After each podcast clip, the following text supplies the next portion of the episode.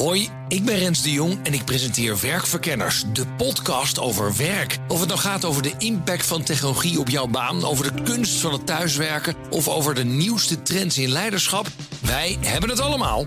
Luister iedere dinsdag om 3 uur naar BNR of wanneer maar wil op je favoriete podcastplatform. Werkverkenners wordt mede mogelijk gemaakt door Prescan. Prescan, ga voor je gezondheid. BNR Nieuwsradio. Boekenstein en de Wijk. Hugo Reitsma. We're going to start saying Vrede op aarde. Merry Christmas again. Merry Christmas, everybody. Happy New Year. Happy holidays. I don't want a lot for Christmas. There is just one thing I need. Don't care about the presents underneath the Christmas tree. I just want you for my own, more than you could ever know. Make my wish come true. All I want for Christmas is you. Welkom bij Boekenstein en de Wijk. De kersteditie. Op zoek naar de nieuwe wereldvrede met in de studio. Arend-Jan Boekenstein is net als Trump dol op cadeautjes. En leert u de lieve, de warme kant kennen van Rob de Wijk. Voor de feitelijke en cijfermatige onderbouwing van de wereldvrede is hier econoom en journalist Matthijs Bouwman. Hallo. Welkom. Eindelijk een verstandige gast. Ja, dat werd tijd ook. Nou, Ja, toch? Vrede op aarde, Matthijs. En in de mensen een welbevinden, was het Behagen. toch? Welbehagen. Ja. Ja. Zoals bekend, eigenlijk de leidraad van, van dit programma. Dus met de kerst misschien een mooi moment om met jou eens de stand van zaken op te nemen. Hoewel men vergeven zou zijn te denken: het gaat niet zo goed met de wereld in deze tijden. Ja, nee, het, het, is een mooi moment om even te bedenken hoe goed we het eigenlijk hebben. En niet alleen wij hier, maar hoe goed het eigenlijk ook gaat met de wereld. Eh, We gaan het vast ook hebben over wat er allemaal misgaat. En de Komen nog klimaatproblemen, vast wel. Maar Gelukkig als je maar. gewoon eh, naar de harde cijfers kijkt, dan, eh, dan zie je dat de armoede afneemt in de wereld. Ja. Dat mensen langer leven, gelukkiger zijn. Zelfs democratie nog steeds, met af en toe een dipje, aan het oprukken is. Terrorisme natuurlijk een groot probleem is, maar niet zo groot als, eh, als eh, ja, vele andere decennia. Ja. En ja, dat we eigenlijk een vredige, relatief vredige wereld hebben. Alleen, we, we krijgen natuurlijk continu alle informatie binnen. Dus eh, we zien, we zien heel veel oorlog. Ja. Nou, laten we gelijk maar beginnen dan. Nou, Arend-Jan, kom maar Met, in. met democratisering gaat het niet goed, Matthijs. Nee? Echt niet. We hebben allemaal golven gehad in de vorige eeuw. En, en het- dus de laatste twintig jaar dan neemt het af. Het staatskapitalisme is heel erg aan het oprukken. Xi, Erdogan en eh, meneer Poetin. Hè. En bovendien, mensen in, als je in Singapore bent en je vraagt aan ze... "Waar- wat vinden jullie nou mooi... Dan kijken ze niet naar ons, dan kijken ze naar Europa en denken ze van ja, die kunnen niet eens hun grenzen beschermen. En die munt, dat vind ik een beetje shaky. En ze vallen ook nog uit elkaar. Dus ik ben, democratisering ben ik niet zo gelukkig. cijfers, hè? Ja, ja kijk, je kunt. Ja, precies. 45% van de landen is op dit ogenblik ook nog echt vrij. Voor het twaalfde achtereenvolgende jaar neemt die, die vrijheid af. Dus eh, in die zin, hè, jij gaat over de cijfers, maar ik doe het doe maar even. Ja, ik ga niet over de politieke cijfers hoor. Maar eh, Er kijk, zijn geen cijfers. Er zijn Freedom het is heel goed en dat, dat is in programma's als dit moet je het ook continu over natuurlijk het, het meest actuele hebben en over het, het, wat er nu gebeurt. Ehm, maar goed, de, ja, de lange trend, zeg maar. Kijk eens naar de afgelopen 100 jaar. Eh, dan zie je toch dat, dat het systeem, hè, nu niet hoor, ik, ik geef het toe, het gaat, Mhm. het gaat, het gaat met, met ups en downs. Dat, eh, dat, ja, dat de, de, Ja, de maar je- democratie geen, geen, eh, geen mislukt systeem is geworden. En dat, en dat Nee, er, en maar- dat er nee, in het maar- algemeen, en nu niet Orbán, ik, ik geef het allemaal toe. Maar je moet het even in de. In, uitzoomen. in- ja, uitzoomen. De, de veiligheid in de wereld, dan heb je helemaal gelijk. Alleen er is geen relatie tussen democratie, vrijheid in landen en onveiligheid of laten we zeggen oorlogen in de wereld of grootschalige. Dat, dat verband is er niet, want je kunt namelijk een hele een wereld hebben die gedomineerd wordt eh, door potentaten en dictators en die toch veilig is. Sterker nog, Irak onder Saddam Hussein was ooit een van de allerveiligste landen van de Ja. wereld. Eh, maar als je bijvoorbeeld weer naar de cijfers kijkt, dan moet je inderdaad constateren, want het gaat ook op zich helemaal niet slecht in eh, de wereld. Dat de, het aantal oorlogen en het aantal slachtoffers sinds de Tweede Wereldoorlog spectaculair naar beneden is eh, gegaan. En eh Arend Jan heeft het ook volgens mij net al genoemd. Eh, de levensverwachting van mensen overal in de wereld is spectaculair omhoog gegaan. De millenniumdoelstellingen die in 2000 zo ongeveer van kracht werden, die zijn spectaculair gelukt. Ja, waar iedereen om lachte toen. Waar iedereen En- op lachte. Dus nee, er gaat Niemand het meer inderdaad over heeft heel omdat ze gelukt erg zijn. veel goed. Ja. Dat is ook zo. We zijn natuurlijk veel rijker geworden, dat, dat neem ik direct aan. Als je vergelijkt met 100 jaar geleden en nog meer als je het vergelijkt met 200 jaar geleden. Maar geldt dat dus ook voor oorlogen? Ja, die zijn Als je het op de enorm langere afgenomen. termijn ja, bekijkt? Ja, die zijn enorm afgenomen. Ja. En meer binnenstaten dan tussenstaten. Maar dat zegt nog niks voor de toekomst. Hè? Want laten we wel zijn, tegelijkertijd het politieke midden is spectaculair onder druk komen te staan. Ook in ons eigen land. Eigenlijk is dat heel erg, want het politieke midden dat kan het compromis vinden. Dat zijn de gematigden, dat zijn de mensen die bereid zijn coalities te sluiten. Dus dat is vervelend. Het tweede is, we hebben periode, eerdere periode geschiedenis gehad dat we heel erg optimistisch waren. Weet je nog, oudje, 1890, hè, met, met de Pa- Parijse Eiffeltoren en zo. goed. Je weet het nog goed. En er was, er was geen oorlog en het was allemaal prachtig. En, en, en de techniek zou ons helpen. 1914 brak de Eerste Wereldoorlog uit. 1950 zat ik de, de, kabinetsnotulen van de Nederlandse regering te lezen. Toen was Zijlstra was minister van Economische Zaken. De jonge professor van de VU was. En die zei, ik, we hebben nou iets ontdekt. Kernenergie, dat gaat al onze problemen in Nederland oplossen. Ik weet dat mijn moeder, die kocht een aardappelmachine. Die wilde niet meer zo hard werken. En daar stopte je dan dus aardappelen in. En dan werd, werden ze geschild. En mijn, wij dachten thuis... Wat is dat? alles Dat met- ken ik niet, die Ja, dat technologie. was, het was er heel wild. En alles zou met apparaten worden opgelost. Nou, dat is denk ik toch... Dus twee lijnen. hè. Oorlog kan toch zomaar weer terugkeren. Kijk maar naar de ontzettende spanningen die er nu zijn. En tweede, technologie alleen gaat niet alles oplossen. Er is ook bijvoorbeeld door de grotere eh, rijkdom... is er ook meer eenzaamheid gekomen. Hè? Dus die kant valt een beetje weg in het boek als... Het eh, lukt niet echt om met die twee het over optimisme te hebben. Nee. Help een beetje. Nee, Matthijs. dat- ik kijk, het natuurlijk, je moet er kanttekeningen bij zetten. Maar ja, het, het, het- dit horen we natuurlijk altijd op alle andere dagen waarop we geen kerst vieren. Dus ik dacht, ik kom er eens even in met, eh, met nou ja, de lange trends. Ja, doe er En- nog eens wat meer. We hebben armoede gehad, we hebben oorlog gehad. Wat gaat er nog meer goed? Nou, zelfs als je kijkt, bijvoorbeeld kijkt naar inkomensongelijkheid. Wat natuurlijk Mhm. het topic is van de afgelopen jaren. Ja, als je dat voor de wereldbevolking bekijkt. Hè, hoe groot zijn nou de inkomensverschillen ge- geworden de afgelopen 20, 30 jaar? Ja, die zijn enorm afgenomen. Dat komt niet omdat wij in Nederland Mhm. veel minder inkomensverschillen hebben. Hoewel dat ook best aardig gaat hoor. Maar doordat eh, bijvoorbeeld eh, in Azië mensen van totale armoede en het gevoel hebben: mijn vooral, kinderen gaan ja. dood van de honger. nu naar gewoon een soort middenklasse bestaan Nee, zijn maar, gegaan. maar Matthijs, je hebt natuurlijk helemaal gelijk. Maar zo net zei ik ook allemaal optimistische dingen. Dat, uh, hebben ze aan- we hebben ze inclusief, inclusief cijfers, wat, wat goed gaat. Nee, ik moet, moest gaan denken. En je zei Azië. Ik, ik heb, was deze week in Indonesië. Eh, dat ging over de opkomst van China. Die regio is veel optimistischer dan Europa. Ja. Ja. En als wij dit programma met z'n allen gezellig in Indonesië hadden gemaakt. eh, dan had je een heel ander verhaal gehoord. Dan had je, eh, dan had je gehoord van. Ja, het gaat hier eigenlijk hartstikke goed. Opkomst opkomst van, eh, van China, dat is prima. Dat heeft ook natuurlijk wel gevaren. Maar aan de andere kant sleurt hij ook de hele regio mee. Dit is een nieuwe wereld. Dit is waar het om draait. En jullie daar. Wat doen jullie eigenlijk? Want jullie komen uit, dat, uit die oude wereld, dat oude Europa. Avondland. Ja, Ja. En, eh, dus het hangt er maar net Ja, vanaf waar ja. in de wereld je dit programma maakt. Ik denk dat dat heel belangrijk is. Dat, dat, dat je, je moet heel veel dingen die in Europa gebeuren bekijken vanuit de vergrijzing, denk ik. Er zijn gewoon veel meer oude mopperkonten dan vroeger in, eh, in ons werelddeel. En mensen die allemaal met een soort nostalgie terugkijken en denken: vroeger was het beter. Nou. Je mag best klagen van mij. Je mag ook proberen dingen beter te maken. Maar eh, het- Nee, maar kijk, weet je, Matthijs, het, het aardige natuurlijk hier is, eh, of het niet aardige, dat als je naar de conflicten kijkt, in de wereld zijn ze sterk afgenomen de afgelopen decennia. Ja. Dat is een feit. Ook het aantal slachtoffers wat eh, valt in die conflicten, ook binnenlandse conflicten, dat is een feit. Het probleem alleen is dat ze zich concentreren rond Europa. Vind je het dan gek? Vind je het dan gek dat met name Europa en ook het terrorisme en de vluchtelingen die komen hier naartoe en die gaan niet naar Jemen toe? Eh, vind je het dan gek dat mensen daar toch een beetje Ja. zenuwachtig van worden hier in Europa? Ik vind dat niet gek hoor. Plus ook, Matthijs, de, de opkomst van de Chinese middenklasse weerspiegelt dus de stagnatie van de middenklasse in het Westen. En als we er nou eens op inzoomen, hè, bijvoorbeeld de afgelopen twintig jaar in Italië is niemand erop vooruit gegaan. Maar aan de onderkant zijn helemaal verschrikkelijke dingen gebeurd. Ik was in Duitsland, was een benzinepompjongen, die had zo'n hart 2 baan, die verdiende 700 euro per maand. Die gele hesjes daar in Parijs, daar zitten boertjes tussen, die hebben 700 euro per maand. Hè.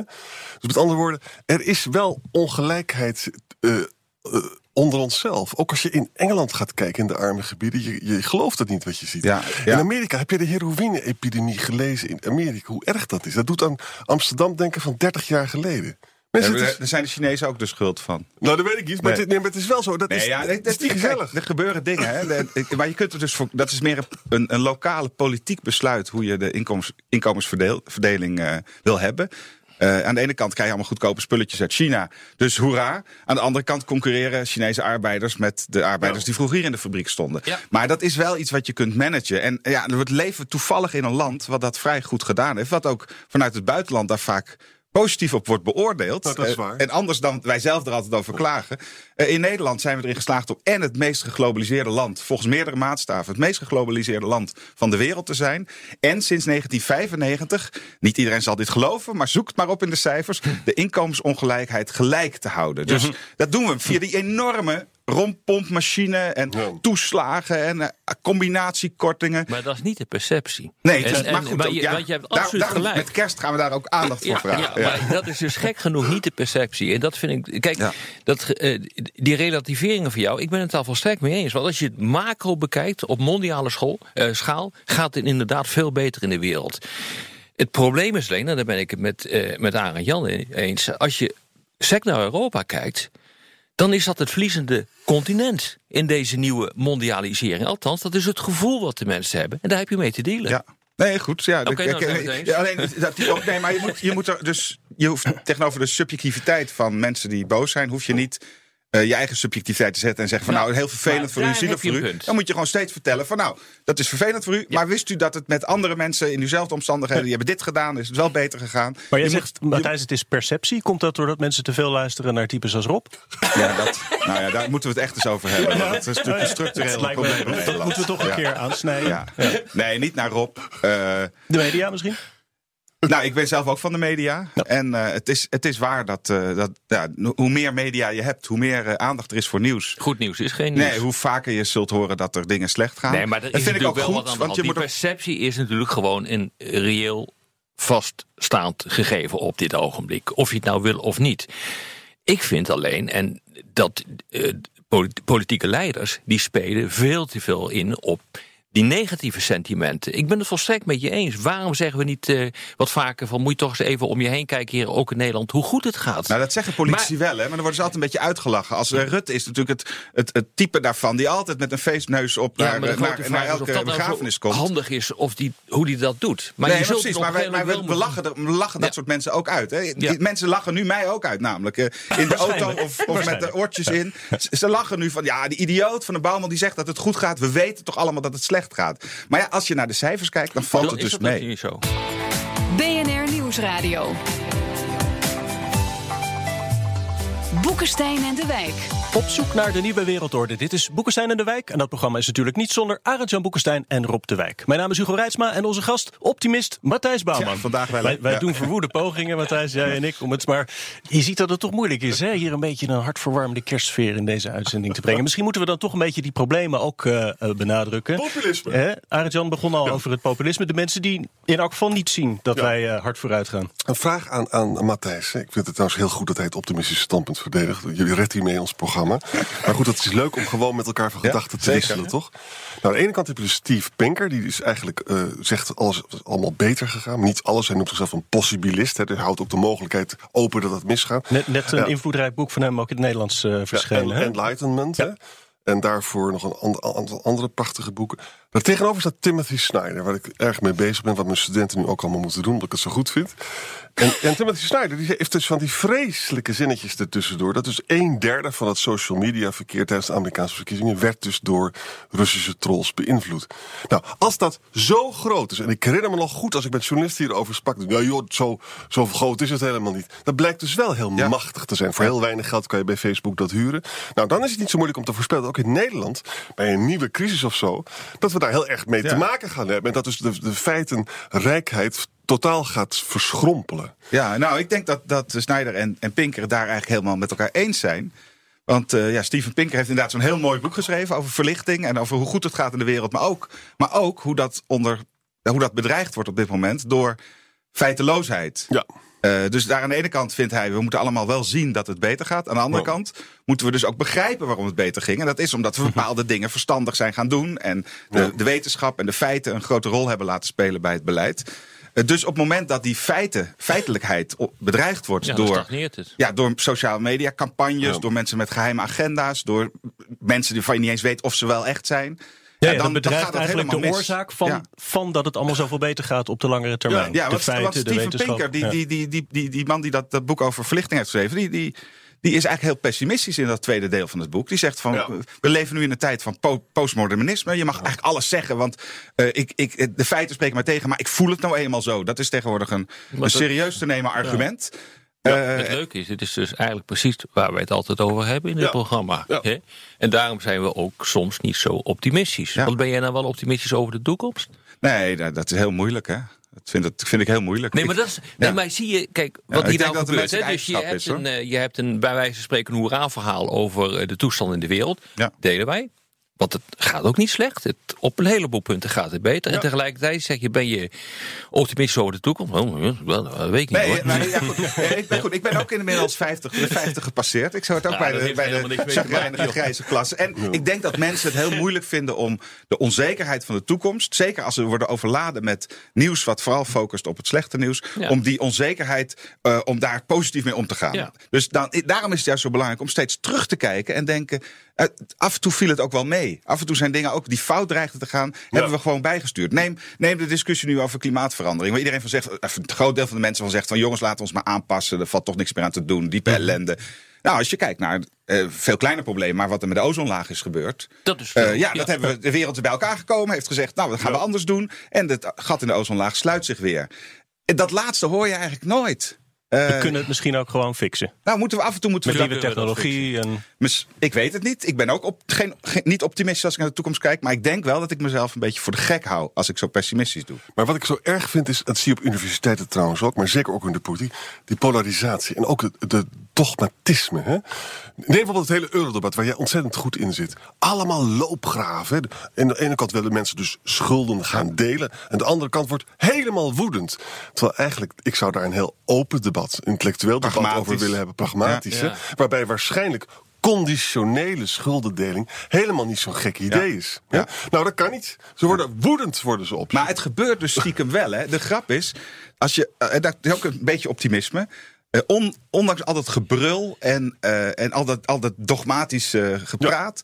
Als je nou kijkt wat er de afgelopen twee jaar is gebeurd met het eurogebied. zijn toch allemaal kleine stapjes Hm. gezet die wel schuldendeling zijn. Zelfs onze eigen premier Rutte is, tegenwoordig voor een eurobudget. Alleen we moeten het niet zo noemen. We hebben ondertussen een soort ministerie van Financiën in Europa. Alleen we noemen het een noodfonds. Zo zijn er, dit is allemaal niet perfect. Als je het goed zou oplossen en de goede naam zou geven, zou het beter zijn. Maar stiekem, de wal keert het schip. Af en toe is er een verstandige politicus, een verstandige ambtenaar. En dan wordt er toch weer een stapje in de goede maar richting Matthijs, daar heb je gelijk in. Maar moet je ook kijken hoe het dan gaat. Je mag het- beestje dus niet meer bij de naam Nee. noemen. Je moet er dus eh omvloers mee omgaan. En het heeft volgens mij eh, te maken met het feit... Ja, dat het heel lastig is in de huidige maatschappij om tot consensus te komen. Ja. Ja. En eh, je ziet dus een enorme polarisatie. Het zero-sum denken, wat normaal is in de internationale betrekking. Dus jij wint iets, maar dat gaat ten koste van mij, dus doen we het maar liever niet. Dat denken, dat zie je dus nu ook eh, in toenemende mate in landen Ja. eh, verschijnen. En dat vind ik wel zeer zorgwekkend, want het, het gaat altijd om compromissen.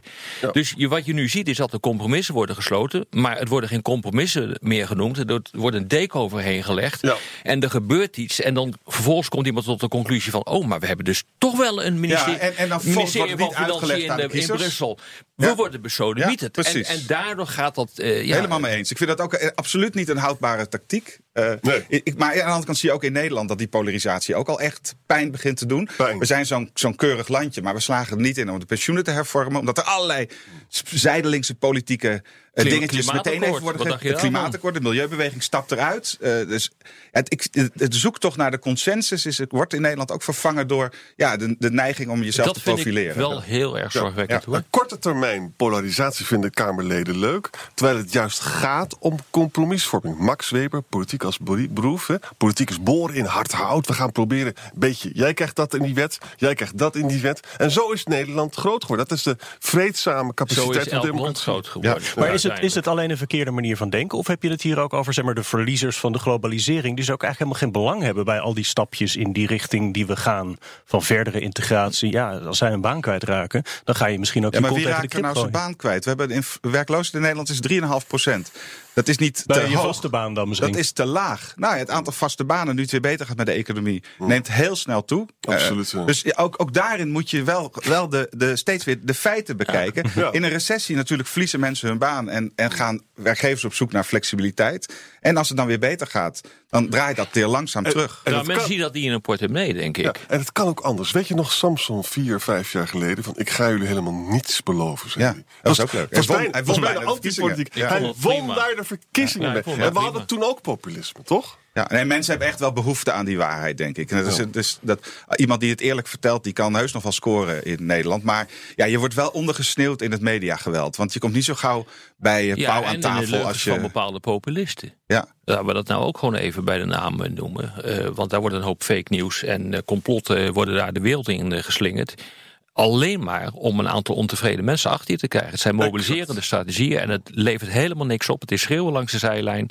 Eh enige verantwoordelijkheid eh, wordt er niet genomen. Daar heb ik ook hele grote Wat moeten we daar mee. nou aan doen? Want eh, inderdaad, er zijn populisten die twitteren dingen die gewoon niet waar zijn. Er zijn populisten in de Kamer die grafieken laten zien. Die als je erop inzoomt en je gaat ze controleren, blijken ze zelfs niet eens de juiste assen te hebben. Voortdurende factchecks en vooral ook humor. Met humor populisten wegzetten. Oké, Nou, wil je Nexit, wil je je baan kwijt? Nou, dan moet je vooral voor Nexit zijn. Ja, dat ik soort vind, zinnetjes. Ik vind dat, eh, Ja? dat zeg maar, de meer redelijke politici eh, in dit land, maar dat geldt eigenlijk voor alle landen, gewoon veel harder moeten zijn.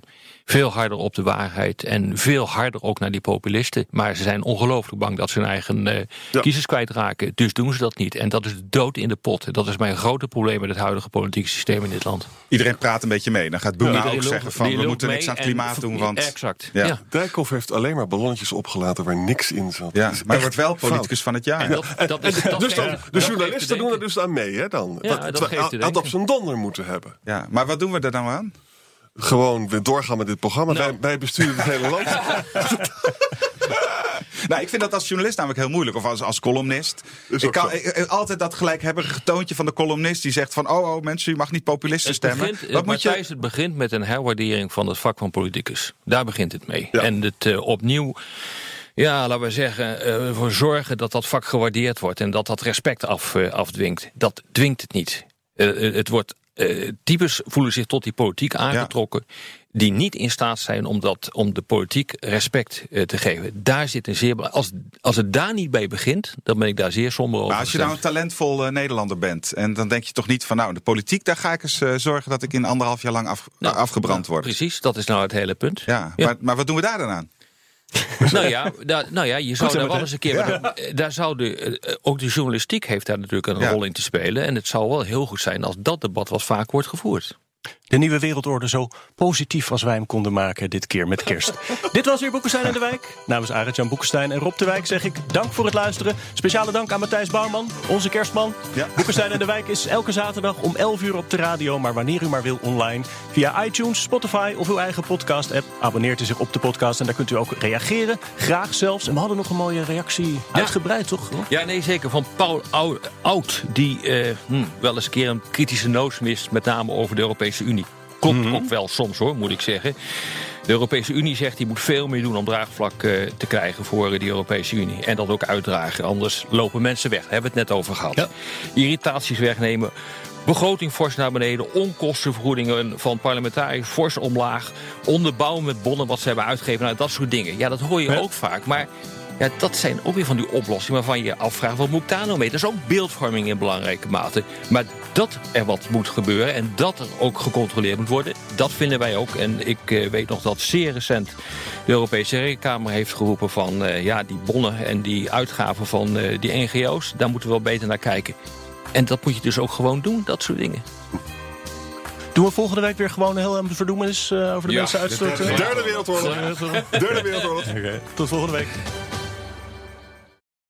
Hoi, ik ben Rens de Jong en ik presenteer Werkverkenners, de podcast over werk. Of het nou gaat over de impact van technologie op jouw baan, over de kunst van het thuiswerken of over de nieuwste trends in leiderschap, wij hebben het allemaal.